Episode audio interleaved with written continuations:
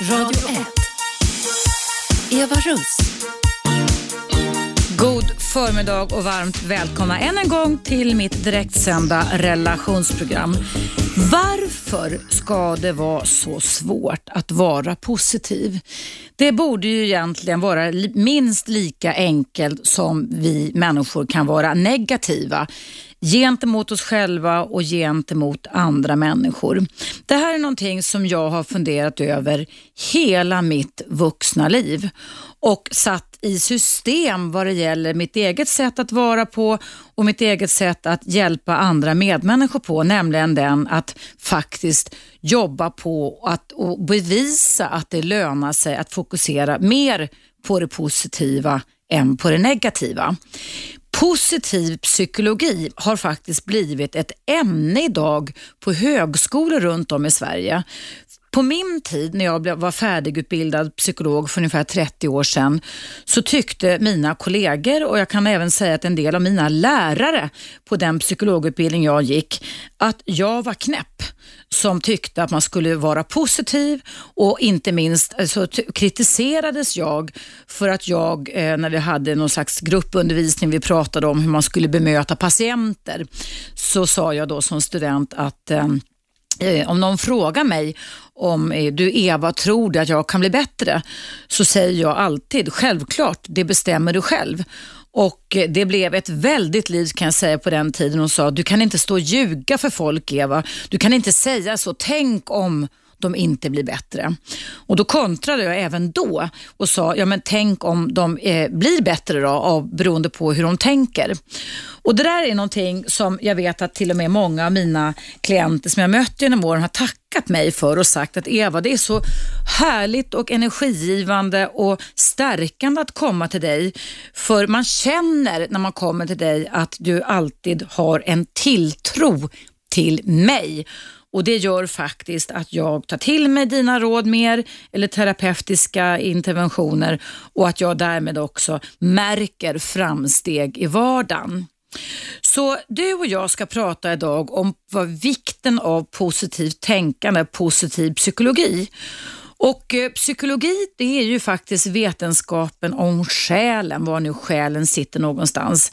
Eh, jag är övertygad om att det handlar om hjärnvindlingar, hjärnbanor men också vanemässiga tankar och känslor och beteenden som vi människor av olika anledningar har tränat in och behöver bli mer medvetna om.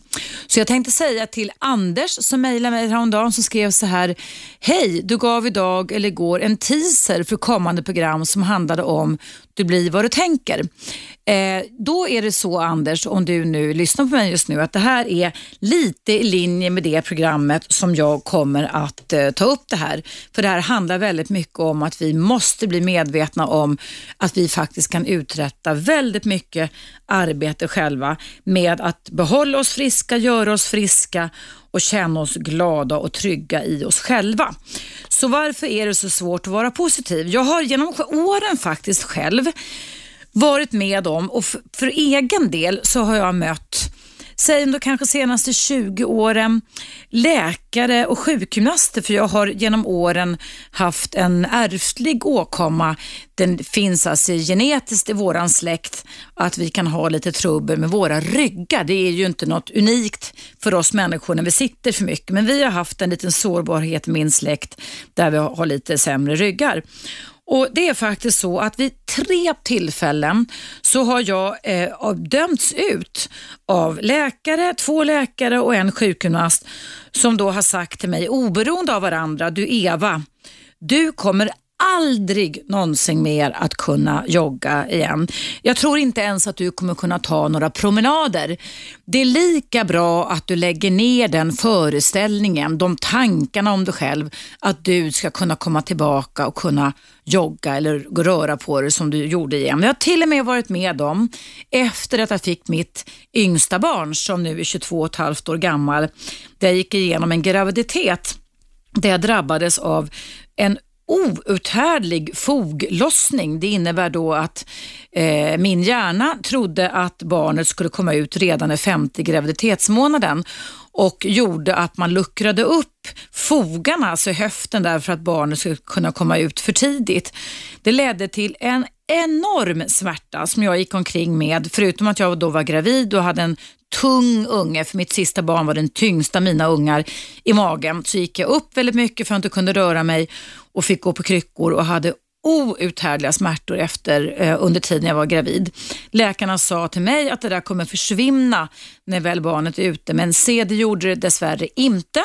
Smärtan fortsatte och ja, det gick så långt så att jag kom till en doktor, en ortoped, som sa till mig att jaha, du Eva Rust, från och med nu så ska du eh, lägga ner allting som har med motion och allting att göra. Och eh, jag föreslår antingen så stelopererar vid din rygg, men då kommer du aldrig mer kunna gå på någon gympapass eller något sånt där. Eller så ska vi skicka dig här till en ortopedspecialist eller en ortoped eh, eh tillverkare som tillverkar ortopediska hjälpmedel och då ska vi sy dig en skräddarsydd eh, korsett som eh, gör att du eh, i och för sig då får vrida nacke och huvud samtidigt, ungefär som en robot om du tänker dig det. Men det är faktiskt det enda sättet för du, kom, du kommer att få leva med den här kroniska smärtan och den här kroniska ryggsvagheten resten av ditt liv. Mm. Det var ju en jätterolig dom att få på sig när man då är nybliven mamma med det tredje och sista barnet och alltid då, i alla fall sedan vuxen ålder, har älskat att röra på sig. Vad gjorde jag då? Ja, jag hade ju kunnat gå hem och ta fram repet. Nej, det ska jag givetvis inte göra, men jag hade givetvis kunnat gå fram, gå hem och säga så här, ja, jag tror på vad de här säger. Jag kommer aldrig mer att kunna jogga eller kunna promenera och jag hade ju då tre småbarn. Jag kommer aldrig mer att kunna gå ut och åka skidor med dem eller stå i backen eller springa med pulkan och så vidare. Eller springa när de ska lära sig cykla bredvid pakethållaren. Och jag måste medge att först så blev jag väldigt nedslagen, väldigt deppad. Jag vet inte om jag blev deprimerad, men jag blev väldigt, väldigt nedslagen och deppad och ledsen.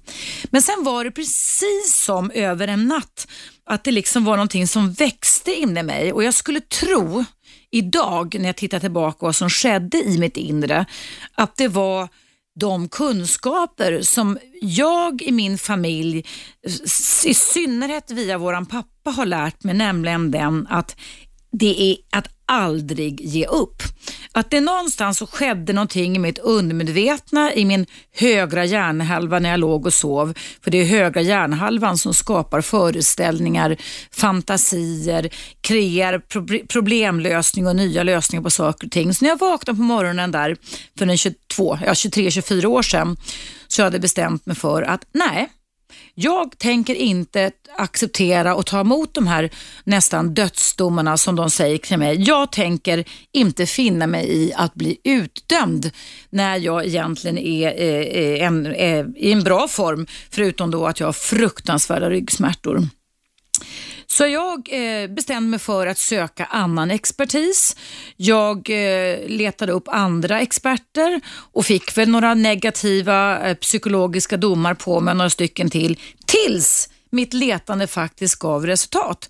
Se, där mötte jag både en läkare och en sjukgymnast som sa så här. Ja du Eva, eh, om du vill bli bra så kan du bli bra, men då får du eh, föreställa dig och acceptera att det är blod, svett och tårar. Och Jag svarade då att jag har absolut ingenting emot blod, svett och tårar, men jag tänker inte se mig själv som invalidiserad när jag är 34-35 år gammal. Och eh, de här hade rätt. Vi jobbade tillsammans kring min eh, ryggproblematik. Och jag menar idag, idag, bara denna dag, så har jag varit ute och joggat 6 kilometer utan något problem med min hund. Jag var med i triathlon för tre veckor sedan här där man både cyklar, springer och simmar och så vidare och så vidare. Och jag har kunnat ta igen det här med råge, att jag en gång blev utdömd. Och det är det jag vill prata med dig om idag. Vikten och vinsten och vitsen med att vi ägnar oss åt självständigt tänkande och att vi inte låter andra människor sätta begränsningar för våran egen kapacitet. Har du egna erfarenheter kring det här att vara utdömd eller att försöka bli påprackad negativ psykologi? Ring in och berätta ditt livs historia och numret är som vanligt 0200 11 12 13. Nu är det dags för den här lilla pausen på Radio 1 men jag tar även emot dina samtal i pausen som kommer här.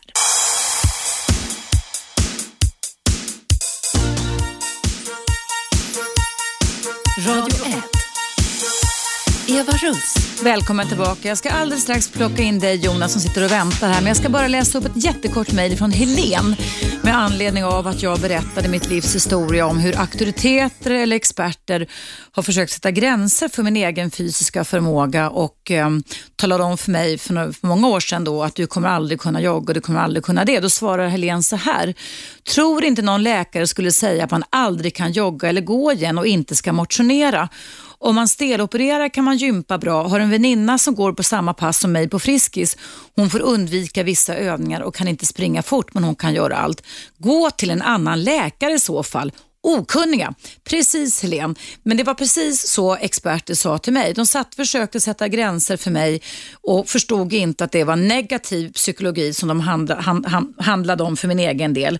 Men mig gick de faktiskt bet på. Nu ska vi höra Jonas historia. Hej Jonas! Tjena. Välkommen. Berätta vad du har varit med om. Nej men eh, just det här med ryggen. Eh, det började ja, när jag var 22 så gjorde jag en dum övning på ett gym och fick ett diskbrock. Det var väl inte hela världen men eh, jobbade mig ur det och sen så vid 30 års ålder så fick jag ett fästingbett. Eller jag visste inte att jag hade fått något. Jag gick och drog på borrelia så att jag fick någonting som heter neuroborrelios. Neuroborrelios? Borrelios. Borrelios, neuroborrelios. Alltså borrelia i ryggen. Oj, oj, oj. Hur, hur märks ja, det? Hur känns det? Man, eh, det är liksom helt sjukt. Man, det, alltså, jag tänkte att hela nervsystemet blir helt paj. Liksom. Eh, det, du får konstiga smärtor, du kan få ansiktsförlamningar. Jag hade ju ett ben som bara slutade funka helt plötsligt. Ena benet slutade funka? Ja. Hur, hur hanterade du det då? Fick du gå på kryckor eller sitta i rullstol? Eller? Ja, det, alltså, jag fick släpa mig fram liksom, som mm. en sån här ja, dålig film. Mm. Så förfärligt. Så, ja, men så läkaren han bara, det finns inte så mycket man kan göra liksom. Han medicinerade och medicinerade och det var snack om att jag skulle få åka ner till eh, Tyskland. För det var, då kunde inte svenska läkarvården hade liksom ingen... Eh, ja, de hade liksom inget bra sätt på det här. Och i Tyskland låg man mycket längre fram i den här vården. Mm. Men, eh, och Karolinska då efter mycket om och men, då skulle jag kanske få prova någon ny behandling, så här intravenöst och penicillin då. Men efter 600 tabletter penicillin och jag tror ju på det här med, vad säger man, tankens kraft. Mm. Så, eh, ja, så blev jag ju bra trots allt. Mm. Och hur... Men eh, man kan ju få åter, alltså det finns ju folk som varit friska i flera år och så får de ett återfall. Liksom. Mm. Och vad är dina slutteser kring då, det bemötande du fick och de profetier som de auktoriteterna du mötte Jonas sa till dig? Jag måste säga så här, först och främst, min läkare han gjorde ju det han kunde i sin makt. Mm. Men det, det, såg ju liksom inte ljust ut efter penicillinkur nummer 15. Liksom. Mm. Det, det, och till slut så tär det på psyket. Mm. Eh, men eh, värst var nog, ska vi säga nog, både Försäkringskassa och eh, den, den utomstående vården för min läkare som liksom mer eller mindre, ja det finns inget som heter neuroborrelios typ. Alltså det, så att din, din diagnos existerade överhuvudtaget inte, så du kände dig ifrågasatt eller? Ja visst alltså. Det var liksom, det, jag hade någonting som inte riktigt var det, det fanns ju, men det var inte, vi är inte så bra mm, på det i Sverige. Mm, vi är mm. fortfarande inte bra på det i Sverige. Nej, jag har faktiskt aldrig hört det heller, men det låter ju alldeles förfärligt. Ja, som... är sjukt dålig, alltså. Mm. det är nästan löjligt. Mm. Man, man, men, äh... men du, tycker du Jonas att Tycker du, jag noterar vad du sa här, nämligen det att de sa att det finns inte så mycket man kan göra. Det är ju en mening, en affirmation, en suggestion. Tycker ja. du att det var rätt eller fel att de sa så till dig då? Nej, det var ju helt galet. För det handlar ju om bara stålsätt. Alltså man måste ju få det här stödet visst ska man få höra sanningen att det, det, det är inte riktigt ljust, men gör så här. Alltså det någonstans trycker man ner en människa, alltså genom att säga att det är kört. Ja, det är det jag menar. Ja. Ja. Mm. Eh, man kan säga att det ser mörkt ut, men mm. vi, vi fortsätter kämpa. Det är väl någonstans det man måste Exakt, höra. det är det som är positiv psykologi. Att, att, att man kan alltså, det finns en bok som jag har tagit upp i ett annat program här på Radio 1 som heter Orden som läker, utgiven på studentlitteratur av en kollega till mig som heter Björn Enqvist, för övrigt en jätte, jättebra bok. Och Han är själv tandläkare i botten, då, men han menar ju det, har gjort studier på det här, att vårdgivare, till exempel sådana som jag då till exempel, måste verkligen ge akt på vilka ord vi väljer till patienter eftersom patienter oftast är nästan i transtillstånd när de söker upp en person av stress och olika anledningar så sugs allting pang tjong rakt in i hjärnan och blir till sanningar som man sen bara bär med sig ut igen och inte ifrågasätter. Sen måste man ju vara som läkare eller man måste vara en rätt bra skådespelare också. Även fast man har lust att säga oj, oj, oj vad jobbigt. Eller förstår du? Man mm. måste någonstans hålla masken och säga så här är det, det är tufft. Men vi fortsätter kämpa. Man kan inte säga titta på pappret och bara skaka på huvudet. Ja, mm. Det är väl bara, det är bara att ta en giftig injektion. Ja, lite så.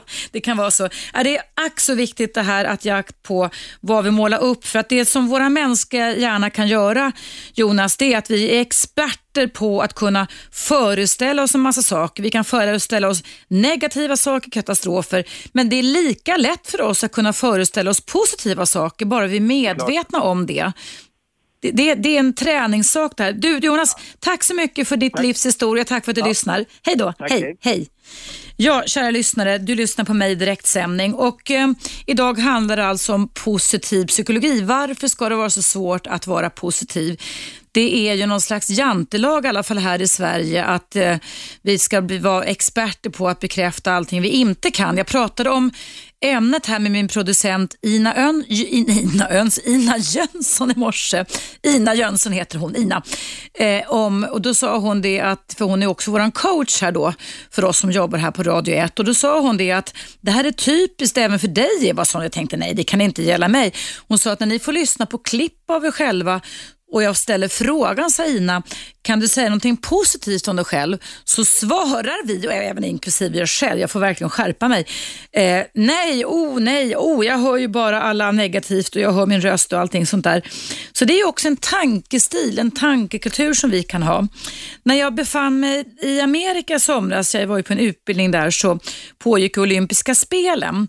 Och Amerikas, alltså USAs damlandslag i gymnastik. Jag vet inte om du om de skrev om det så mycket i Sverige, för länder har ju en tendens att bara skriva om sina egna adepter under sådana här stora mästerskapstävlingar.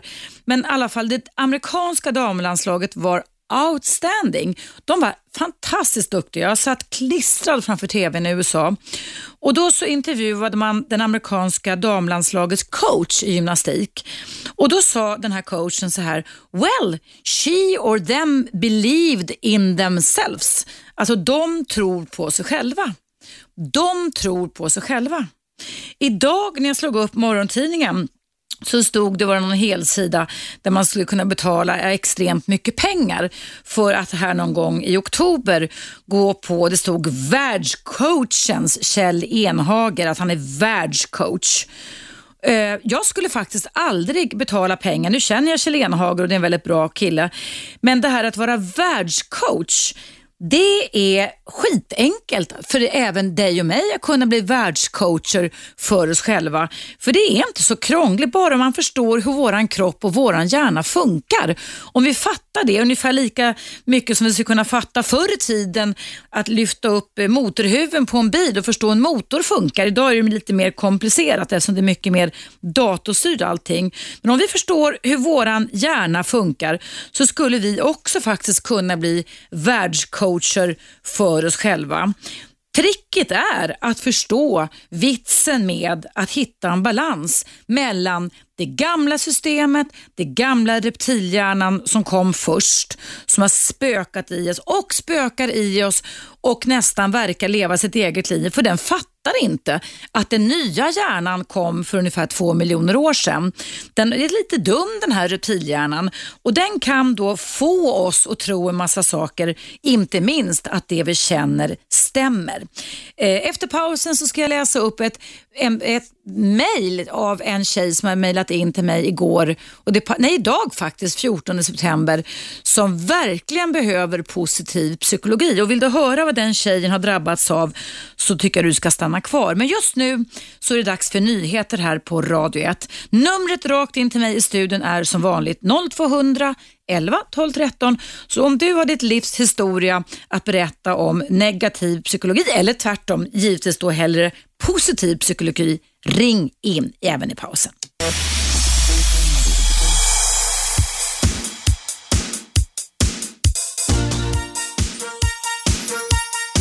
Radio 1. Eva Russ. Välkomna tillbaka. Idag handlar det om positivt tänkande, positiv psykologi.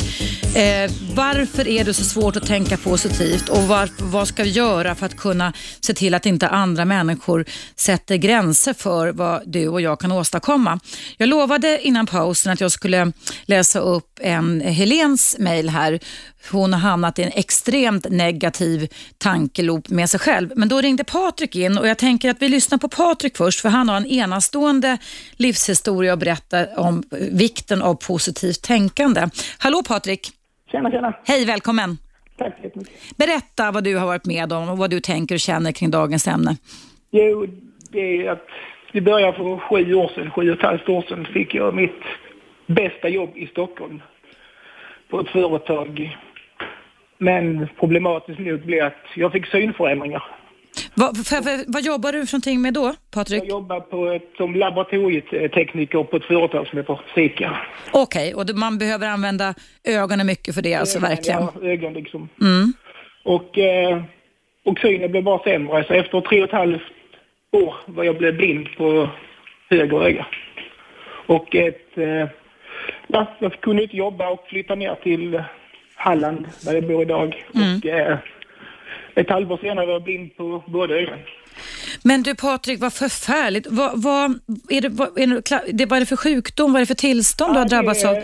Det värsta är där är diabetes.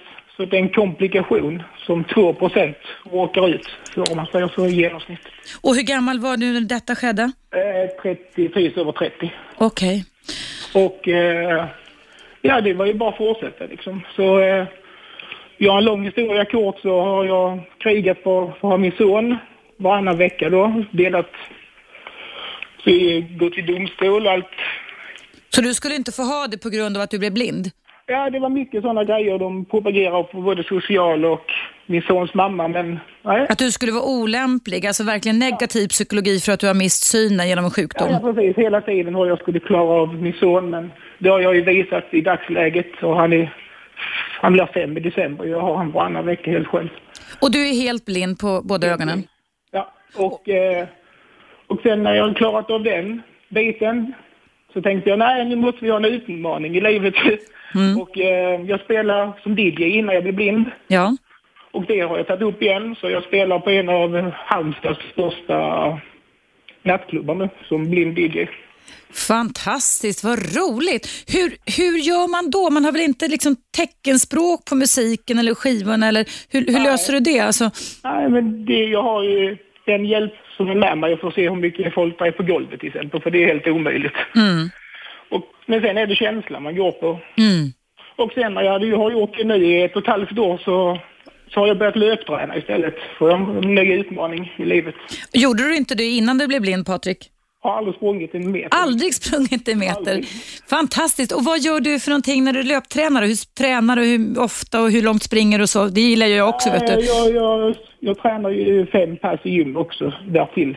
Oj, då är du i en riktig toppform kan man säga. Ja, så är det ju på... Ja, vi har precis börjat för ett par veckor sedan då, så det är väl mellan två och en halv till sju kilometer vi springer oss på vad vi tränar. Liksom. Och då springer du med någon ledsagare då eller? Ja, precis. Vi har snöre mellan varandra. Och jag kan säga det är som att vara på månen. Det är en frihet jag inte känt på sju år. Fantastiskt. Och det är liksom det här positiva. Så, så länge man kan lämna det bakom sig, det negativa, så blir det något positivt. Det är det många inte mm. hjälper, det här negativa. Du Patrik, har du fått någon annan typ av jobb nu då, efter att du blev blind? Eh, nej, men jag vill komma ut och hålla föredrag om sånt här positivt tänkande. Det är väl fantastiskt bra. Så jag har en god vän som försöker eh, promota mig då, om man säger då, för att komma ut till ja, skolor. Ja. Ha, har, du, har du någon hemsida eller? Nej, jag har en Facebookgrupp som heter Blindstyre. Ja, men det är bra. Då, då vet folk som lyssnar i Blindstyre att de, om de vill engagera dig kring detta. Du, eh, eh, så det, det, är för, det är lite förment att säga som så om, att man kan du tackar väl knappast sjukdomen för att, att, att, du har fått ett nytt liv, men vad tycker du har varit jobbigt? Alltså, är det det här med andra människor runt omkring som försökte sätta begränsningar för dig då? Ja, men det värsta var när jag blev, blev opererad för sjätte gången då eh, och eh, vaknade upp efter lunch efter operation i ögat. Mm. Så var jag blind på höger öga. Mm. Och det var ingen som berättade. Ingen. Va, va, va, vad gjorde de då? Ingenting. De sa bara, men det är så, det kommer... De sa absolut ingenting. Så att de liksom lä lämnar dig där i någon status quo kan man säga. Att ja, ja, få ta hand om dig själv och, och, framtid och allting sånt som ja, väntade. Så tog jag upp min pappa då från, eh, som kom upp och liksom slog näven i bordet på, på sjukan då. Och jo, så förklarade doktorn, det är ju näthinnan har dragit ihop sig som ett russin liksom. Ja, men det fattar väl jag också, men det kunde ingen sagt det liksom. Mm.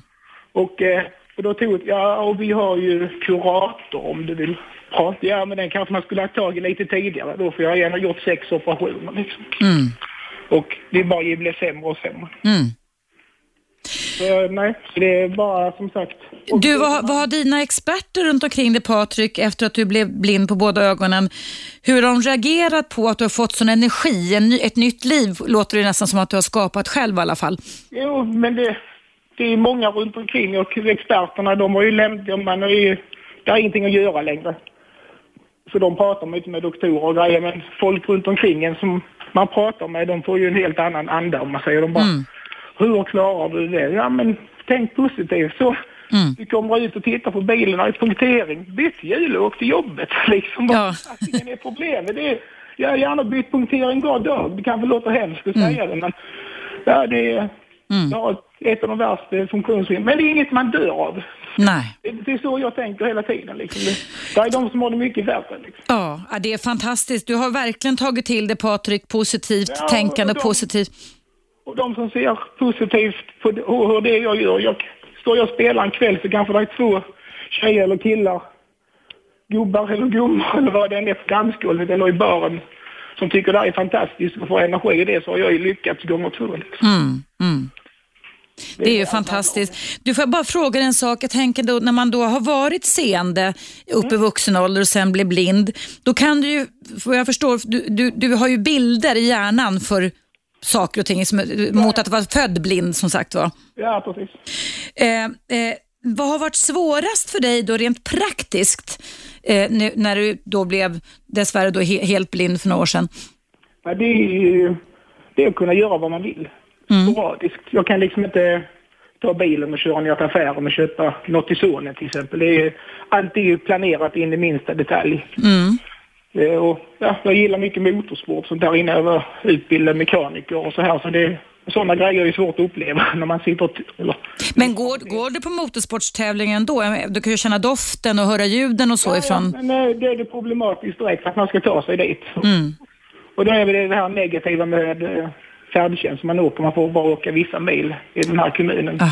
Okej. Okay. Så då, då, då, blir man låst. Då, då blir det här negativa. Men då gäller det att tänka positivt och nej men nu får vi göra något annat liksom. Eller man får sätta lite åt sidan för annars blir det så mycket negativt. Liksom. Fantastiskt. Vet du vad? Det, det, det, du sa precis nu är någonting som jag tror, tycker alla lyssnare ska ta till sig, nämligen det att inte låta andra sätta punkt för ditt liv och vad du vill göra och att hitta alternativ om man inte riktigt kan få det som man just då önskar sig, men inte att ge upp. Nej, och likadant som man inte man sätter sig i det här facket bland de här, ja, det är många som jag vet i alla fall här nere som synsvaga eller synskadade som sätter sig just, de träffas bara de. Jag är ute på stan, på, på puben och restaurangen mm. och liksom går ut som vem som helst. Mm. Och ja, folk här på stan, de känner ju, de vet ju vem jag är. Mm. Att, att jag är utåtriktad och mm. folk kommer fram och hälsar och Ja, liksom det blir helt kabalik när folk berättar att jag är blind. För det är ingen som tror att jag är blind. Nej. Att man har den attityden man har. Ja, men det, det är fantastiskt. Det är enastående faktiskt. Vad roligt att få prata med dig Patrik. Jag önskar dig all lycka till och du är ett jättebra ett exempel. Säg vad din Facebookgrupp hette en gång till så kan folk gå in och titta på den. Det ska jag också ja. göra förresten. Ja, jag kallar mig för DJ Blindstyre. Så, eh, DJ, DJ Blindstyre. Och eh, jag tror sidan heter Blindstyre. Så det, Vad roligt. Lycka till. Du är en sån person som många ska lyssna på tycker jag. Det här är verkligen positiv psykologi. Tack så jättemycket för att du ville berätta om det här i mitt program idag. Ja då. Ha det jättebra. Fortsatt lycka till. Hej då. Ja då. Hej. Tack då. Hej. Ja, kära lyssnare. Idag handlar det alltså om positiv psykologi. Det var väl Patrik, eh, 30 plus, verkligen ett enastående exempel på att gå ifrån att ha varit fullt seende till att bli fullt blind eller helt blind, inte ge upp och hitta nya alternativ. Numret in till mig är 0200 11 12 13. Nu är det dags för en liten paus här på Radio 1.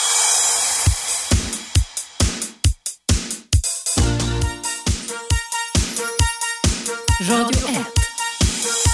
Eva Russ.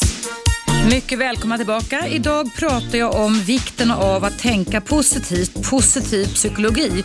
Hur viktigt det är att vi inte låter andra människor sätta begränsningar för vad vi kan. Jag hade ett jättefint samtal med Patrik innan pausen som blev blind på båda ögonen för lite drygt tre år sedan och som har kämpat för att inte låta andra sätta punkt eller avgöra var hans begränsningar går eller inte. Och jag kan ju då passa på att säga det också att jag eh, har alldeles nyligen varit med i castingprocessen till SVTs eh, serie, fantastiska succéserie Mot alla odds som kommer att sändas här någon gång i, efter jul. Det handlar ju då om tio stycken eh, funktionshindrade människor som ska vandra på okänd ort och jag var även med förra året när eh, de vandrade i Afrika. Där har man verkligen exempel på människor som mot alla odds inte låter andra människor sätta begränsningar för dem trots de fysiska handikappen som man har. Och då kom Lennart på att berätta om sina erfarenheter kring olympiader. Hej Lennart! Hej! Jo, det gäller ju senast här i London, Paralympiaden, som de visade ju på SVT sammandrag. Mm. Och jag tycker det var suveränt. Det Patrik ringde ju in här som var blind. Mm. Och bland annat visade de fotbollsmatcher där helt blinda människor spelade fotboll. Och jag la märke till speciellt en brasilianare där som hade så otrolig teknik fast på, eh, även, alltså att han hade sitt stora handikapp men ändå alltså hade en sån bollbehandling och känsla så det var suveränt. Och sen tycker jag det heder åt den engelska folket och publiken i London som sluter upp på de här tävlingarna. Det var lika fullbelagt som den övriga olympiaden var eh, någon, vecka innan, dessförinnan. Pa Paralympics som gick efter ja, OS, ja. Mm. De hade jättestor publik vid varje, alla tävlingar mm. och jag såg bland annat simningen där det var då amputerade som simmade, folk som saknade både armar och ben och tog mm. sig fram i vattennivå. Och jag tycker det är suveränt. Förr i världen gömde man ju undan handikappade, specifikt barn va. Och det förekommer tyvärr i vissa länder idag. Vi har sett skräckscener från Rumänien och, och Ryssland för inte allt för många år sedan. Mm. Så jag tycker det är roligt att folk uppskattar de här tävlingarna det var det jag bara ville säga. Ja, toppen. Tack, ja, tack snälla Lennart. Hej, hej. Ja, jag har ju en författarkollega på mitt eh, gamla bokförlag Norstedts, Mikael Andersson som föddes eh, utan både armar och ben. Han eh, är gift, fyrabarnspappa och sköter sitt liv. Han har skrivit en bok om det, nu kommer jag inte exakt ihåg vad den titeln heter, men han har också varit eh, föremål för detta i SVT program.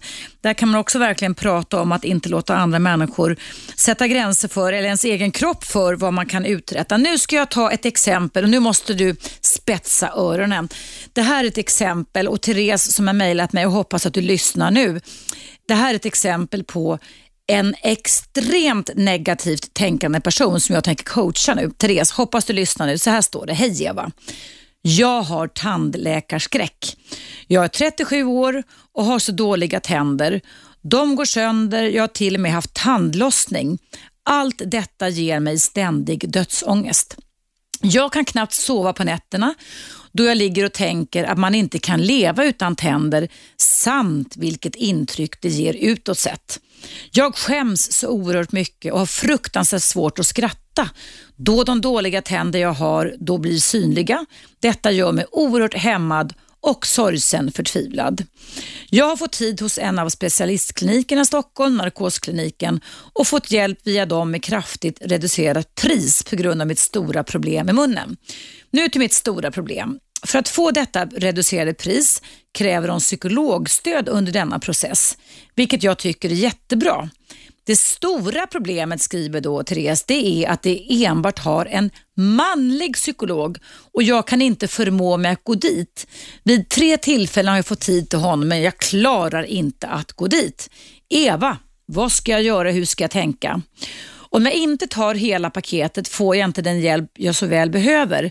Tandläkaren är kvinnlig och helt fantastisk och jag har frågat om inte en kvinnlig psykolog kan stödja mig, men det måste vara den de har anställd hos sig. Jag har aldrig träffat denne manliga psykolog och jag får panik bara av tanken på att träffa honom. Hur har mycket dålig erfarenhet av män pappa som aldrig fanns för mig, extra pappa som slog min mamma och en annan som psykade mig. Har inget som helst förtroende för män och känner mig som om jag ska möta min värsta fiende. Tänk, hela min mun trasas sönder för att jag inte kan, vågar gå till denne manlige psykolog. Hjälp mig vara lycklig, kunna skratta och slippa min dödsångest. Punkt. Mm. Vad tänker du som lyssnar på det här mejlet just nu? Ja, jag kan ju säga att hos mig så väcker det väldigt, väldigt mycket tankar och jag skulle precis, jag satt och tänkte det när jag läste upp det här mejlet från Therese att jag undrar, eh, i och med att du är så panikslagen av att träffa en manlig psykolog, om det är så att du har negativa erfarenheter av det här sedan tidigare. Men här har vi ett praktexempel på negativ psykologi. Du Therese har gjort precis alla fel som behövs för att du ska hämma dig själv, för att du ska hindra dig själv ifrån, ifrån att få ett lyckligt liv. Även om det är så, vilket jag verkligen beklagar för din del, att du har haft dåliga erfarenheter av en pappa som aldrig fanns där, en elak styvpappa och en karl du har varit ihop med som har psykat dig, så betyder inte det att alla män i resten av ditt liv som du ska träffa kommer att vilja dig illa. Du har hamnat i någon slags ont uppsåt-tänk. Och det här Helen är precis, eller Therese, förlåt, Therese, det är precis det som är motsatsen till den här boken och det här begreppet som heter Varför zebror inte får magsår. Därför att zebror får inte magsår därför att de inte har förmågan till att ligga i sin säng, sitta i sitt vardagsrum, i sitt kök och skapa fasansfulla fantasibilder och föreställningar om en tänkbar framtid. Men det, Therese, är du expert på. Jag har all respekt för, Therese, att man kan generalisera skräck. Men idag så är det viktigt för dig, om du lyssnar på mig, att om det nu är så att alternativet är, vilket låter kanske tycker jag lite oflexibelt och rigidt av Försäkringskassan, men nu är det det som är. Man får gilla läget ibland. Så betyder ju inte det då att du då ska sätta punkt för ditt framtida liv. Kom igen Therese, du är 37 år. Du har massa föreställningar om dig själv som leder till att du inhiberar dig själv.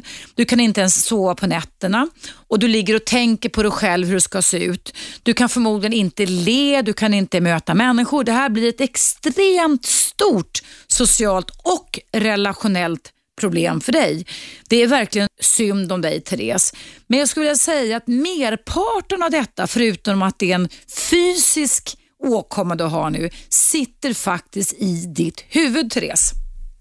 Så jag skulle vilja be dig att börja med att sätta punkt mellan det som har varit och det som är just nu. Och Det är det vi måste göra när våra dumma moderna hjärnor skapar så mycket negativa föreställningar, panik, katastrofscenarier, rädslor och ångest.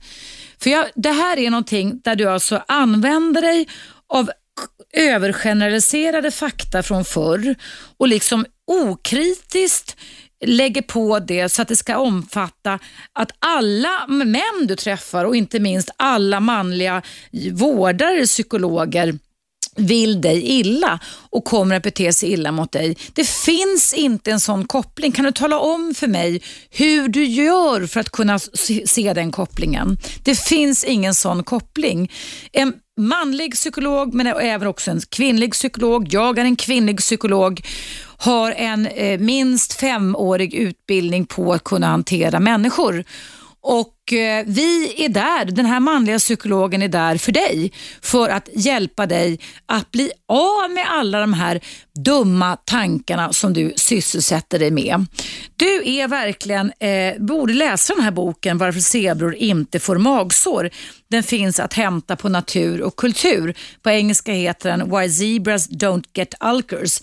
Det är en jättebra bok för det handlar om vikten och vitsen med att inte hålla på och producera negativ psykologi inne i huvudet på oss själva. Och Jag ska fortsätta coacha dig Therese efter pausen men i pausen så får du som känner igen dig i Theres problematik börja med övning ett, nämligen den att sätt punkt för det som en gång har varit. Sluta generalisera. Sluta med att tankesmitta och känslosmitta framtiden.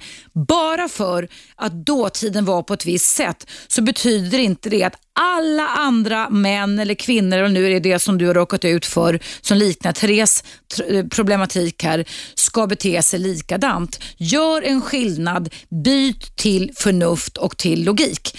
Men jag ska också fortsätta att ge Therese som har tandläkarskräck och som använder all sin lediga tid till, till att katastrofiera, mer råd efter pausen som kommer nu. För just nu så är det dags då för nyheter här på Radio 1. Det är direktsändning, det är ett relationsprogram och det handlar om vikten av positiv psykologi. Häng kvar över pausen och du kan också ringa in till mig. Numret är 0200 11 12 13 och efter pausen så ska jag fortsätta att coacha Therese.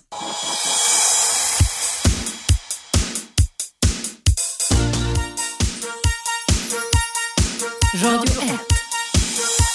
Eva Russ. Välkomna tillbaka. Idag pratar jag om positiv psykologi och då tänkte jag sen när jag hörde nyhetsuppläsaren Patrik nästan med lite sorgsen stämma beskriva om att i helgen blir det bara, bara 12 grader och regnigt. Att ska jag vara positiv då ska jag tänka så här, jajamensan, härligt, hösten är här.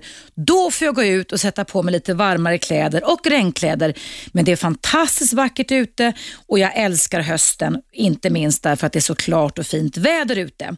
Det är lite ett exempel på hur man kan vända gamla profetier. Men nu ska jag försöka vända Therese som har mejlat in till mig också tankar kring sig själv. Eh, hon tänker att hela hennes mun trasas sönder eh, och hon ligger och ältar nätterna igenom och över hur hur illa det går och hur ful hon är och hur, hur eh, hemskt hennes liv kommer att vara. Och, så att hon, Therese har mejlat in till mig och hon beskriver då det att hon kan inte gå till en manlig psykolog och eftersom hon eh, hindrar sig från det så kan hon inte gå till den tandläkare som ska hjälpa henne. Så blir det en hel kedja av människor som hon undviker att träffa på grund, på grund av att hon har reptilhjärnan, eller vi, inte bara hon. Jag har den, du har den också. Alla har vi det gamla eh, känslomässiga systemet, även kallat reptilhjärnan eller även det limbiska systemet. För där pumpas adrenalin ut som bara den i Therese hjärna just nu. Och Hon ligger och ägnar nätterna åt att bara tänka på allting negativt. Hur negativt det ser ut, hur ful hon är och vilket intryck hon ger utåt sett. Jag förstår att hon inte kan sova. Hon skriver så, hon kan knappt sova. Och Det kan jag förstå, för man kan knappt sova om man bara sysselsätter sig själv med att ligga och tänka på en massa katastrofer hela tiden. Det aktiverar kroppen. Det blir ju en form av uppåt hormoner som omöjliggör sömn. Och när det dessutom är så som Therese gör, att hon bara tänker katastrofer hela tiden, bara i dåliga scenarier och helt och hållet till 100 procent bortser från positiva saker, då förstår jag att eh, allt det där blir till till någon slags sanningar i hennes liv och hon eh, lägger ner alla system för att kunna bli bättre, få en snyggare tänder och få psykologhjälp. Jag sa innan pausen här att eh, Therese som är rädd för att gå till en manlig psykolog för att hon har haft dåliga erfarenheter av män tidigare får ta fram papper och penna, både sätta punkt och i slutat generalisera. Är alla män farliga då, då kan hon ju inte träffa någon man överhuvudtaget, tänker jag då. Och är en manlig psykolog identisk med att din pappa inte såg dig eller att du hade en pojkvän som psykade dig, Använd förnuftet Therese. Hoppa ifrån reptilhjärnan till ditt förnuft och din logik. Bli känslomässigt intelligent som det också heter. Papper och penna, lär dig hålla isär en manlig psykolog med dina tidigare manliga erfarenheter. Det är absolut inte samma sak. Du går absolut inte att sätta lika med tecken heller. Sen vad det gäller din förmåga att ligga hemma och katastrofiera. ja, då skulle vi människor som funkar som Therese gör må väldigt, väldigt bra av att inte ha fått den här toppen på hjärnan. Det är därför zebror aldrig får magsår. För det är precis vad Therese får. Hon får magsår av alla negativa scenarier. Zebror har inte den nya hjärnan, men det har vi. Och Det är den som då kan föreställa sig så otroligt mycket katastroftänkande. Tänk om det händer och tänk om det händer och tänk om det händer.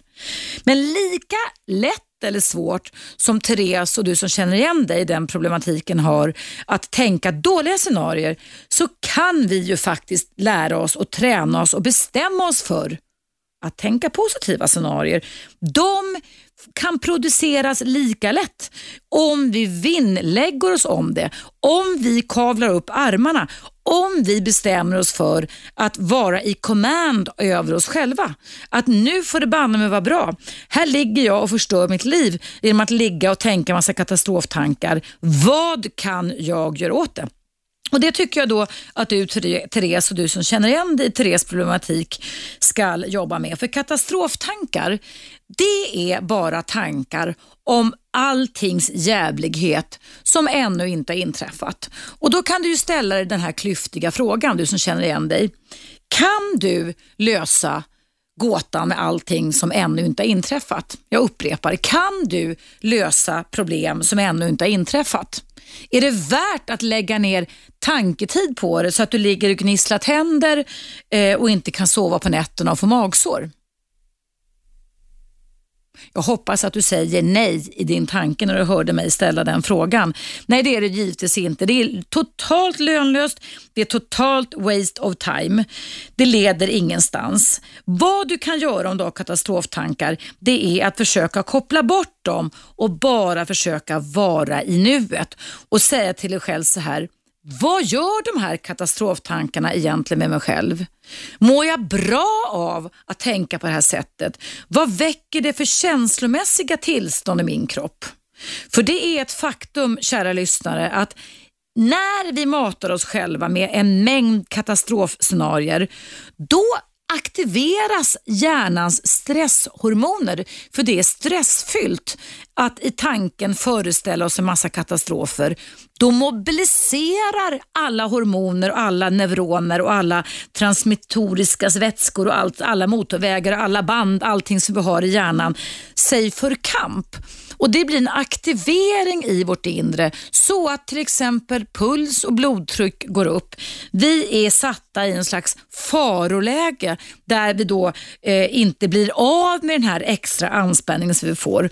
Så det kan faktiskt också bli ett psykofysiologiskt slitage på våra kroppar om vi ständigt går och aktiverar oss och bara ser en massa katastrofer och djävulstyg inom oss.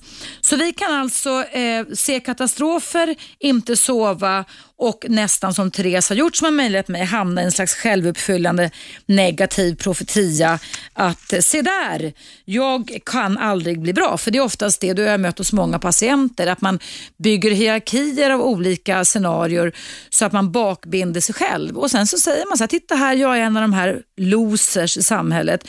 Jag är, jag är så svag, jag är så dålig, jag kan inte komma någonstans i mitt liv. Och då är det själva verket man själv som på grund av att man har tränat sig på att skaffa en taskig tankestil skapat sig en tanke och känslosmitta där man bara övar på att se och tänka dåliga saker. Så Therese i alla fall då, då, som måste bryta den här dåliga cirkeln. Du får skriva kort som du har vid sängkanten och säga stopp, det här är bara tankar om någonting som inte har inträffat. Eh, du får göra en bevislista på alla bra saker det kan medföra hos dig om du bryter din isolering och ger dig iväg ut och lagar dina tänder. Börja visualisera alla fördelar en nya tänder i din mun kan ge istället för att ligga och visualisera alla nackdelar, snälla Therese. Eh, du kan till och med vara så att du skulle kunna be att din tandläk tandläkare skriver ut något ångestdämpande som du äter innan du går till din manliga psykolog. För det verkar som om du, du styrs så extremt och exceptionellt mycket av rädsla så du har svårt att kunna bli av med den. Men det kan man träna bort. Men ibland kan man, om man har så stark ångest som du har Therese, faktiskt få hjälp med lite tabletter för att kunna få ner den här ångesten. Men sen när du har fått det så behöver du alltså jobba med din tanketräning. Ut ur de dåliga looparna, eh, börja fundera på alla bra saker som kan hända i ditt liv när du har lyckats bryta den onda cirkeln. Fråga dig själv och ifrågasätt dina argument för varför en manlig psykolog skulle vara dålig för dig. Det finns ingen koppling till eh, en manlig psykolog som vill hjälpa dig och din dåliga barndomsupplevelse eller att du hade en man som psykade dig. Det är två vitt skilda case. Det är två vitt skilda case. Men våra hjärnor har en tendens, Therese, att generalisera. Och du håller på att övergeneralisera något grymt mycket. Och det är det jätteviktigt att du slutar med. Och kan du våga dig iväg till den här manliga psykologen som inte är dugg ofarlig, som är din vän, han är inte din fiende, så kommer ju han, han är ju en välutbildad person, kunna hjälpa dig att bryta de här onda cirklarna. Använd förnuftet, Ta fram papper och penna, sätt stopp för katastroftankar, kavla upp armarna och bestäm dig för att du har ett val. Ta dig ut ur de onda cirklarna. Börja öva dig på att tänka positivt för du matar dig själv med så extremt mycket negativa scenarier så du kanske till och med kommer tappa tänderna en vacker dag om du fortsätter på det här sättet. Jag kan berätta för dig Therese och för ni som lyssnar att det fanns en gång, eller finns en gång, de finns fortfarande, ett par bröder, ett par tunisiska bröder eller marockanska, jag minns inte riktigt vilket nordafrikanskt land de kom ifrån, som hette bröderna Borkat. Och de fick minsann sina tänder att eh, växa fast i munnen igen genom att de började tänka på rätt sätt. Jag ska berätta historien för dig efter pausen som kommer här.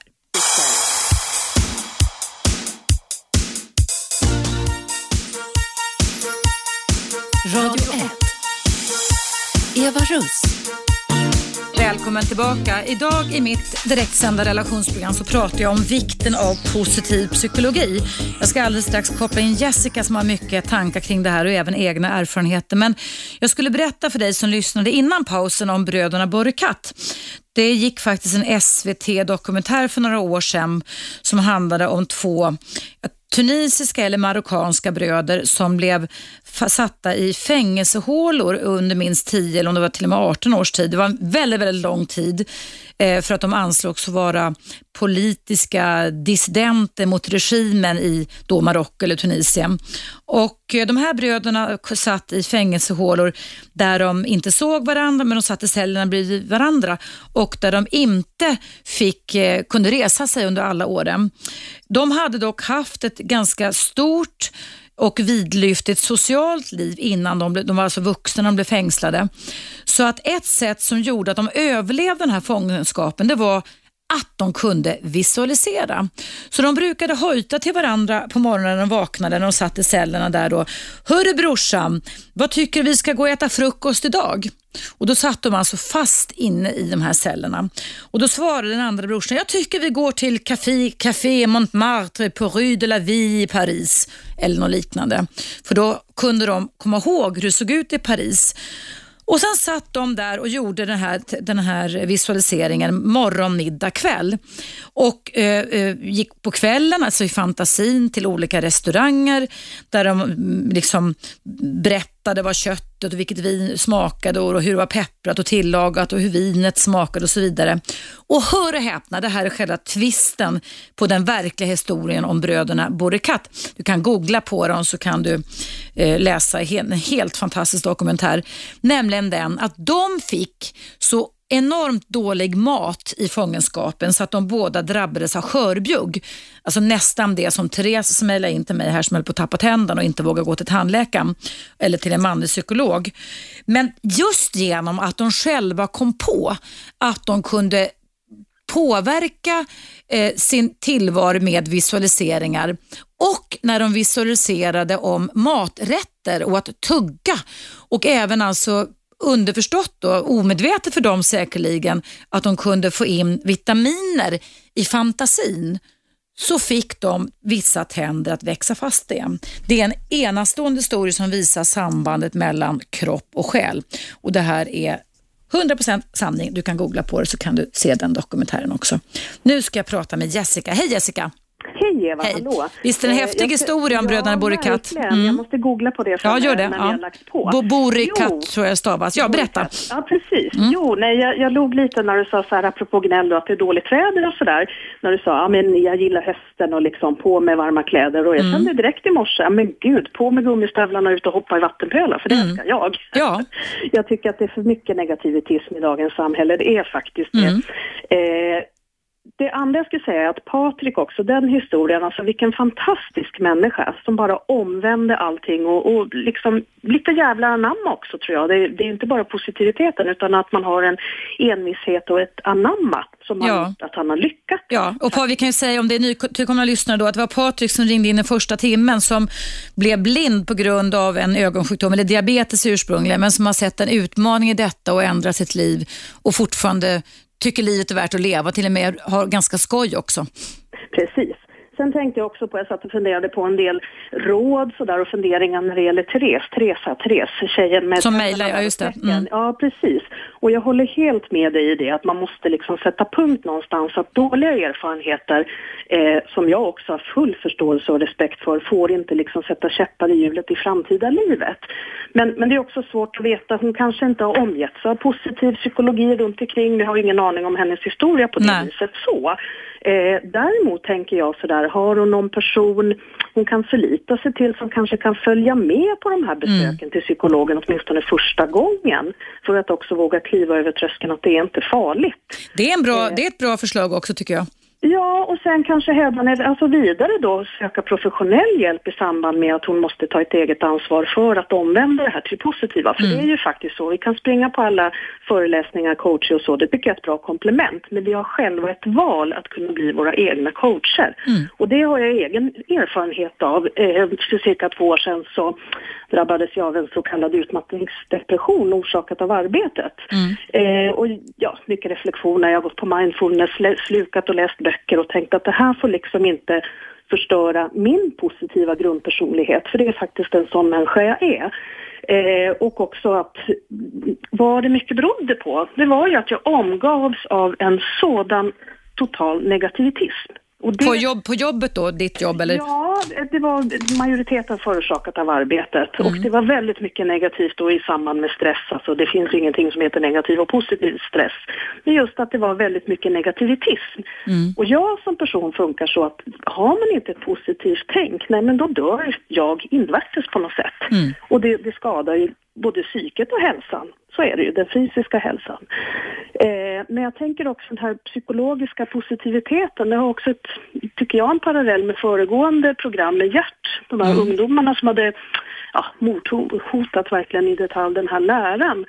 Så kom jag på direkt att ja, men det kan ju också vara något så att de inte omger sig med positiv psykologi. Alltså, det handlar om att du måste utöva det liksom i yrkeslivet, i föräldraskapet, i det sociala, du sitter på tunnelbanan för vi vet att positiviteten sprider, alltså det sprider vidare, det blir goda ringar på vattnet. Absolut, Så. absolut. Ja. Så att, ja, kort sammanfattat i alla fall då, då så, så jag tror att det är viktigt. Eh, och att människor idag, Alltså det är svårt att vara förälder. Har du ingen god erfarenhet av positiv psykologi från det vi själva har vuxit upp, Mm. då är det ju rätt så svårt att ta till sig det. Då blir det gärna så här, ja varför är du så jävla glad idag också? så att det Ja. blir något negativt va.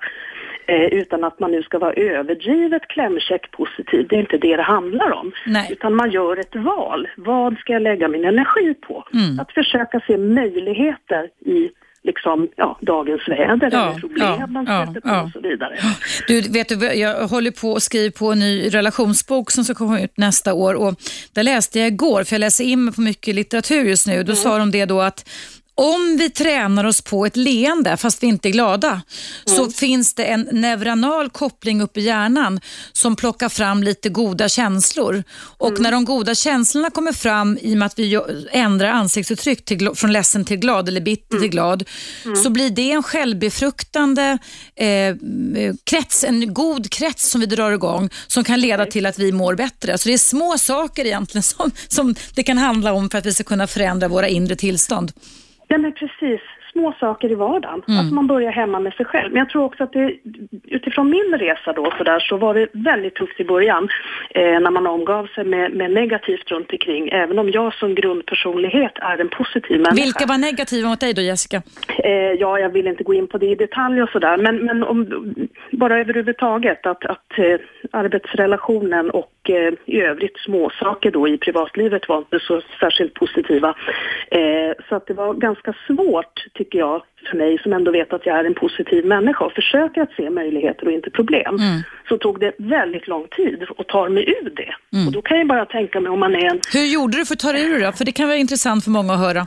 Ja, först ska jag säga att jag fick otroligt bra eh, läkarkontakter på vårdcentralen, måste jag säga. Eh, med kontinuerliga uppföljningar och det är inte bara medicin och sen gå hem och sova och ja, skärp till dig, det kommer ordna sig. Utan gedigen eh, bra läkarkontakt och sen en jättebra kurator. Det hade förmånen att få delta gratis i en mindfulness-utbildning eh, som har hjälpt mig väldigt mycket. Och mindfulness är ju det som är tricket, det är utmaningen för våra hjärnor, att nollställa dem så att säga, att inte tänka för mycket framåt eller bakåt utan vara i nuet. Nej, vara i nuet. Precis det här med att en tanke kommer till dig, du, du liksom sorterar den och försöker acceptera och bearbeta den. Va? Och det är ju också så här att vissa tankar som kommer till en kan man inte acceptera, men man måste ändå våga släppa dem på något sätt, att göra ett avslut på dem för att gå vidare.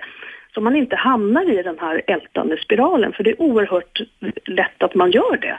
Och jag tänker just som på Therese där, att hon, ja, sömnsvårigheter, att det har liksom tagit över hennes liv och tankar.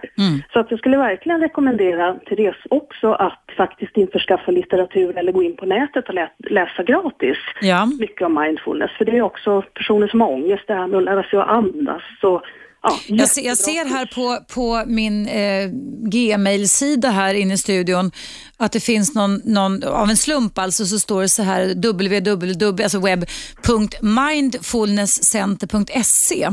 Att där utbildar de mindfulnessinstruktörer. Det kan ju vara någonting också att kunna få vända sig till och få hjälp på kan jag tänka mig. Ja, precis, precis.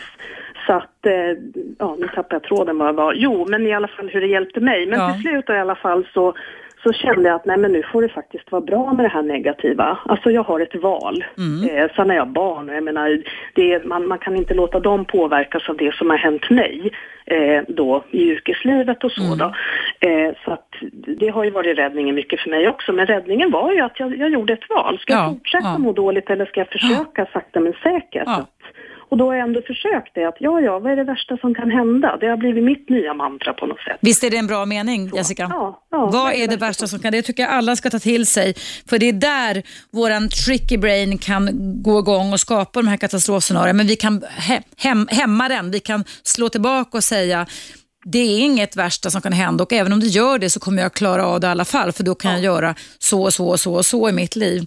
Du, tack så jättemycket ja. Jessica för, det, för Ja, dina tankar och din erfarenhet och tack för att du lyssnar på Radio 1. Tack, trevlig helg. Tack detsamma. Hej. Hej då, hej. Ja, tack än en gång Jessica. Eh, nu är det dags för nyheter. Du lyssnar på Radio 1. Frekvensen är 101,9. Jag heter Eva Russ och är relationsexpert. Och idag så handlar mitt ämne eh, i radion, i mitt direktsända radioprogram, alltså om positiv psykologi.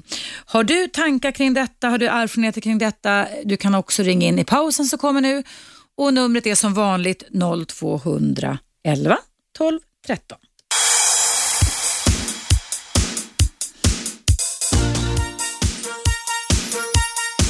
Radio 1. Eva Russ. Varmt välkomna tillbaka. Idag pratar jag om positiv psykologi. Vikten av att vi ger akt på hur vi resonerar inombords gentemot oss själva men också hur vi coachar andra människor. Eh, vi människor har en fantastisk plastisk hjärna. Förr i tiden så trodde man att den liksom tog slut vid 12 års ålder när den hade fått den vikten som den har som vuxen. Men idag så vet vetenskapsmännen det att vi kan förändra våra kretsar i hjärnan livet ut om vi ger akt på vilka kretsar, alltså vilka tankar och känslor som gynnar oss och vilka som missgynnar oss. Jag eh, ska läsa upp ett mejl här ifrån en kvinna tror jag. Det står så här. Eh, vad gör man då om man inte förmår sig att tänka om och tänka positivt? Jag har gått i terapi där det framkommit att jag utövar ett så kallat katastroftänk som visar sig som värst i min kärleksrelation. Jag älskar min man på alla sätt men har svårt med tillit och ska nu öva på att arbeta upp tilliten och inte utöva mitt katastroftänk. Men men när man då inte upplever att det hjälper att tänka positivt, hur gör man då? frågetecken. Jag funderar på att söka vidare hjälp för att komma vidare, men ska det verkligen vara nödvändigt? Jag hör ju vad du och andra säger, det vill säga att man kan öva, träna, men jag verkar inte ha förmågan att trilla över tröskeln där jag tror på min egen tanke så att säga. Tack för ett bra program. Mm. Då ska jag svara dig eh, vad jag tänker kring detta. Eh, det, låter, det som du beskriver här, eh, det här att du har dåligt med tillit, det har att göra med tidig anknytning att göra. Så att förnuftsmässigt så älskar du din man, men känslomässigt, det är ju alltid de känslomässiga delarna, så hamnar du i rädsla och i ångest. Det är den här gamla reptilhjärnan, gamla limbiska systemet. Och Jag tycker att det verkar som du som har mejlat mig nu har fått bra terapeut, du, du har gått i terapi och du har fått råd för hur du ska jobba med dig själv, att öva upp tilliten. Det är ju så här när vi ska förändra gamla neuronala mönster, alltså tankar och känslor och beteenden som sitter räfflade inom oss i våra hjärnor, så är det ju det att vi får öva, öva, öva. Och Min erfarenhet är när jag får klienter som skriver som du har gjort till mig, att jag gör ju det här och det funkar inte ändå. Det är nog oftast så, det kan vara flera olika anledningar, men en anledning kan vara att man ger upp för lätt. Att du alltså övar typ varannan gång, du blir rädd och, och blir, känner dig otrygg och inte varje gång. Det gäller alltså att varje gång öva, öva, öva. Att påminna dig själv om att du ska öva, sätta lappar, använda mobiltelefonen, eh, sätta ringsignalen på din telefon så att du även övar torrträning som jag brukar kalla det för. Det är ju så folk i min generation lärde oss simma, att man fick sitta uppe på land och göra de här bröstsimtagen liksom i luften innan man gick ner i vattnet. Och du som har problem med tillit och snabbt hamnar i rädslosystem behöver träna även inför eventuellt hardcore, alltså svåra situationer, så att du kan ta till det rätta tänkandet när det verkligen gäller. Och Det är inte alltså att börja träna situationer när tilliten börjar brista och du känner dig skraj, utan du måste alltså öva på det här även när du känner dig trygg och lugn, så att du vet hur du ska kunna tänka när du tar till det här. Ehm, men är det så, du som mejlar till mig, att du tycker att det ändå inte går, så skadar det verkligen inte om du tar en runda till hos en person som har kognitiv eh, terapeutisk eh, kunskap. Det bör vara och det ska vara, tycker jag, en legitimerad vårdgivare för det ger en garanti, en slags säkerhet i alla fall att vi är kontrollerade av Socialstyrelsen, att det finns en kvalitet i den, de råden som vi ger till dig. Eh, och Det är ganska klassiskt kan jag också säga då det att när man då i en parrelation så brukar oftast våra gamla lite sårade och sårbara anknytningsmodeller där det har intränats, inbetingats rädsla, just ge sig till känna när kärlek ska upplevas. Och Det brukar många uppleva som om att man är två olika personligheter. Att man kan å ena sidan vara jätteduktig på sitt jobb och gör, framkalla stordåd och göra allting som alla andra människor säger, åh du är duktig. Men när det sen kommer till relationer, alltså nära kärleksfulla relationer där det handlar om bekräftelse och tillit som du som har mejlat mig skriver om här så är det som förgjort att när man borde kunna känna sig sådär lycklig, trygg och avslappnad så börjar det inre katastrofiera. Och Det är den här kombinationen mellan det gamla systemet och det nya systemet och att det, du låter känslorna bli för starka och sanna. Jag brukar säga till många som jag har jobbat med genom åren att eh, är det verkligen nödvändigt att du ska tillåta att dina känslor är så rimliga och sanna? Är det verkligen så? Ja, men jag känner mig så här, säger många. Jag känner mig så här.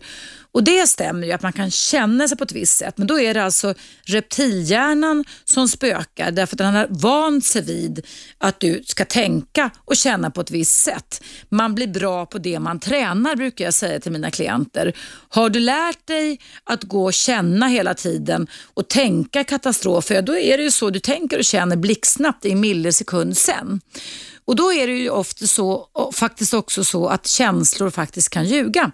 Man kan bli en känslomässig inskannande person som bara går och känner och känner och känner. Och då lurar man sig själv. Då lurar man också hjärnan att tro ja, att allting jag känner är sant. Och Det är väldigt, väldigt viktig aspekt i den vardagliga psykologin om du nu vill förändra någonting inte bara brevskrivaren här utan även du, att faktiskt ibland stanna upp och säga så här, vänta, vänta, vänta nu. Är det jag känner verkligen sant? Är det verkligen rimligt att jag ska gå omkring och vara så oerhört skraj idag? Är det verkligen så att den här faran som jag känner och som jag även tänker i mina tankar är rimlig och sann? Eh, det, den frågan tycker jag att du ska ta till dig och jag tycker då avslutningsvis till dig som har, som har mejlat mig här att eh, jag tycker då att eh, du skriver på slutet i ditt mejl så här att du verkar inte ha förmågan att trilla över tröskeln där du tror på din egen tanke så att säga. Det där är en väldigt negativ tillskrivning av din egen kompetens, den ska du verkligen jakt på. För det finns inga gränser för, kom ihåg det, för vad du och jag och alla andra där ute kan åstadkomma. Men om du håller fast vid en tillskrivning av dig själv att alla andra kan men jag kan inte så kommer det att vara en sanning som du bär med dig. Då stämmer det att du inte kan trilla över tröskeln som alla andra kan. Och Det behöver du sätta dig ner, gärna med papper och penna och börja eh, ifrågasätta. Varför, av vilken anledning skulle du inte kunna, kunna lära dig det här bara för att du har övat kanske för lite? Eller för att du fick fel övningar av din terapeut du gick hos? Eller för att du alltså någonstans inte har köpt argumentet att även du kan förändras. Det finns väldigt massa olika saker som du som har mejlat mig skulle faktiskt kunna öva på. Och jag hoppas verkligen då att du tar till dig det här. Men lyckas du inte med det så tycker jag absolut att du ska ta på varv några gånger, kanske fem, sex gånger terapitimmar hos en terapeut eller en psykolog med KBT-inriktning. För det kan hjälpa till jätte, jättemycket. Eh, nu ska jag ta en liten paus här på Radio 1 igen. Det är direktsändning och idag så pratar mitt relationsprogram eh, har som fokus då positiv psykologi. Efter pausen så ska jag läsa upp ett mejl som kom precis in här rakt in i studion ifrån Elisabeth. Så vill du Elisabeth höra det och vad jag tänker kring det och även du som lyssnar så tycker jag du ska stanna kvar över reklampausen som kommer nu.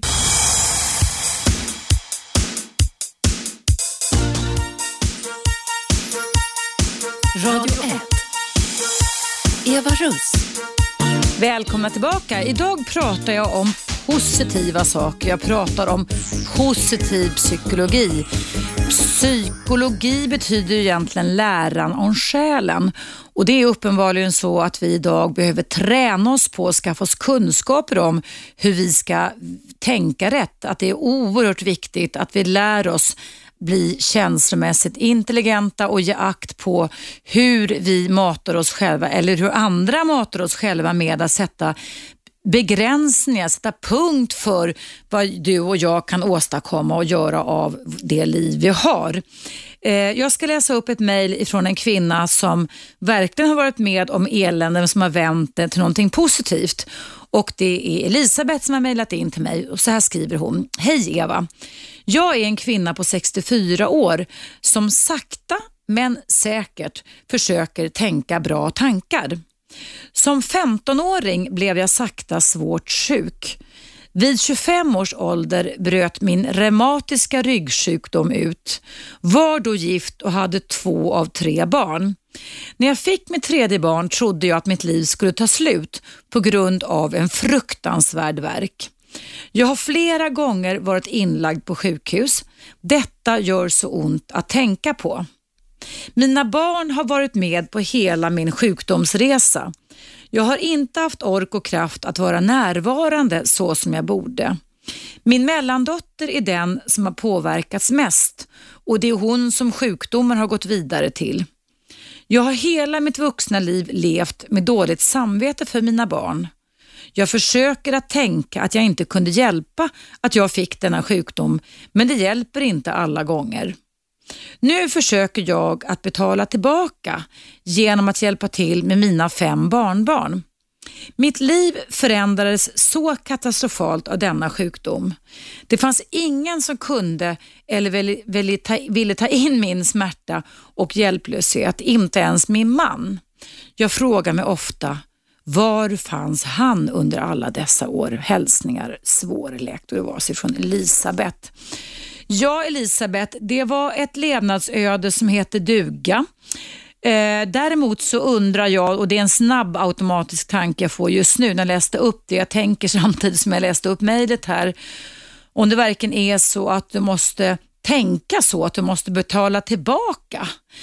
Du har ju drabbats av en väldig massa problem och olyckor och du har haft eh, tydligen en person, du har levt med en man som eh, du har inte fått, fått så mycket empati eller dela så mycket känslor med sympati. Eh, du kanske skulle ha haft mer coaching av din man men du fick inte det. Och Det är ju jättetråkigt det, det håller jag verkligen med dig om.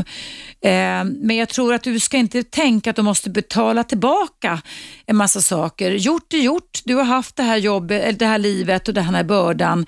Men det är ju väldigt bra att du är medveten om idag att du sätter punkt för de här hjälplöshetstankarna och um, lever i nuet med dina fem barnbarn. Jag förstår att dina barn blir påverkade av att ha en mamma som haft det svårt, fysiskt svårt och därmed också psykiskt svårt under deras uppväxt. Men det kan inte du ändra på just nu. Men som du skriver, och det tycker jag värmer Elisabeth, det är då att du sakta men säkert försöker tänka bra tankar.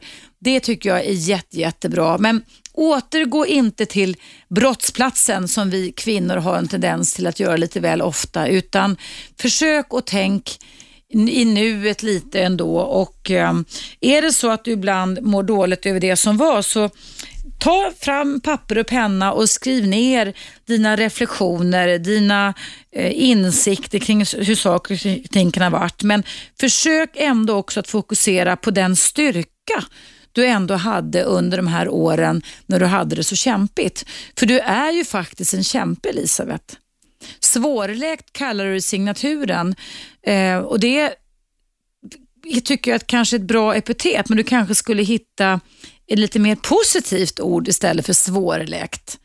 Eh, lättläkt, kom igen, kämpade på, höll ut. Att börja alltså tänka och göra på hur du attribuerar, tillskriver dig själv olika namn ord och meningar är också oerhört viktigt för att vi inte ska gå och bära med oss en väldig massa så kallade sanningar om hur vi är som sätter begränsningar för vad vi kan eller inte kan och så vidare.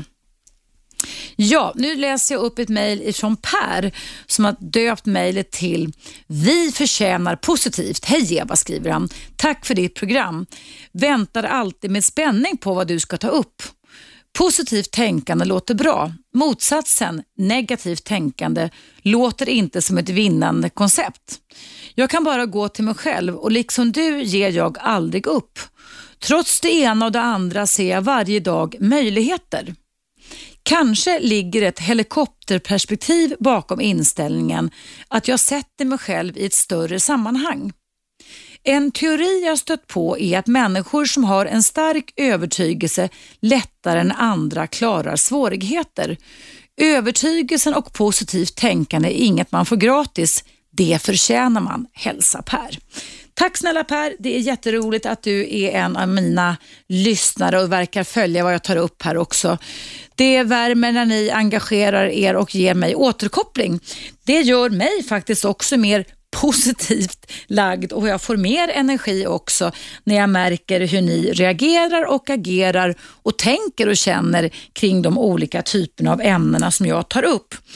Och Det är faktiskt så att just det här med hur vi tänker och vilka tankar vi tänker har en väldigt stor inverkan på våran hälsa. Eh, det finns en eh, gammal, han är väl gammal nu, professor eh, Seligman i USA som var, var väl en av de första som lanserade eh, fakta, alltså utifrån forskning, där vi pratar vetenskap om hur positivt tänkande faktiskt påverkade vårt immunförsvar. Och De slutsatser som Seligman kom fram till, professor Martin Seligman vid universitetet i Pennsylvania, som då är en delstat i USA, det var då det att han skrev så här, att sättet vi tänker på oss själva kring, särskilt kring vår hälsa, påverkar vår hälsa. Människor som övar sig att tillskriva sig mer positiva inlärningar än negativa får ökad möjlighet till bättre hälsa. Vidare så kom professor Martin Seligman fram till följande. Optimister drar på sig färre infektioner än vad pessimister gör. Positivt tänkande stärker immunförsvaret. Parentes, vårt immunsystem arbetar förmodligen bättre när vi är optimistiska. Och Han fick också fram det här att optimister har bättre hälsovanor än vad pessimister har. Och Det finns också andra forskningsresultat som jag tagit del av som visar ungefär samma sak. Att livsmod och optimism är avgörande för hur vi, alltså du och jag, kommer att uppleva tur eller lycka. Positiva förväntningar påverkar våra prestationer.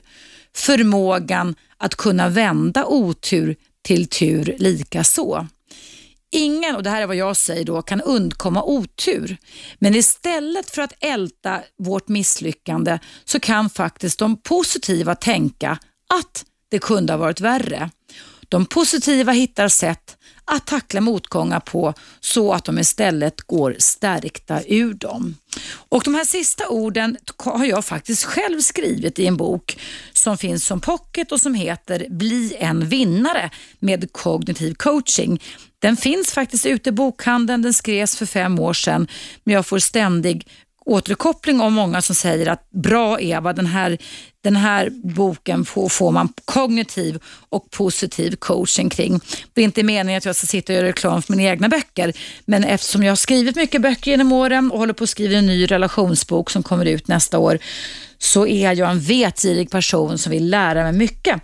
Men som sagt var, eh, den handlar om mina år inom idrotten. Jag har ju jobbat som psykolog inom idrotten i många år, nästan 17 år, med faktiskt 17 svenska idrottslandslag under 80 och 90-talen och då hjälpt väldigt många idrottare där ute att kunna komma tillbaka på den vinnande banan igen i tankarna, alltså den positiva. Psykologin är vad jag har jobbat med och det kan jag lova dig avslutningsvis att det kommer jag aldrig att sluta med. Jag kommer alltid, vare sig jag fortsätter här nästa år eller nästa år på radion eller om jag fortsätter på Aftonbladet eller du kan läsa mina råd under Vendela på webben och i papperstidningen var tredje vecka också kring relationer, så kommer jag aldrig sluta att vara positiv. Och Jag är inte född positiv, men jag har fått blivit coachad till att vara det. Så att jag kommer faktiskt gå ut i det här lite eh, dystra, som många tycker, bistra höstvädret och tycka att eh, det är nice det här. Sen är det också så att jag råkar fylla år på hösten. Så att den 15 september är alltså imorgon då min födelsedag när jag ska ha en liten större fest hemma hos mig. Så jag är barnsligt förtjust i att fylla år på hösten och att ha kalas. Så jag kanske har lärt mig att tycka att hösten är extra rolig också, jag vet inte.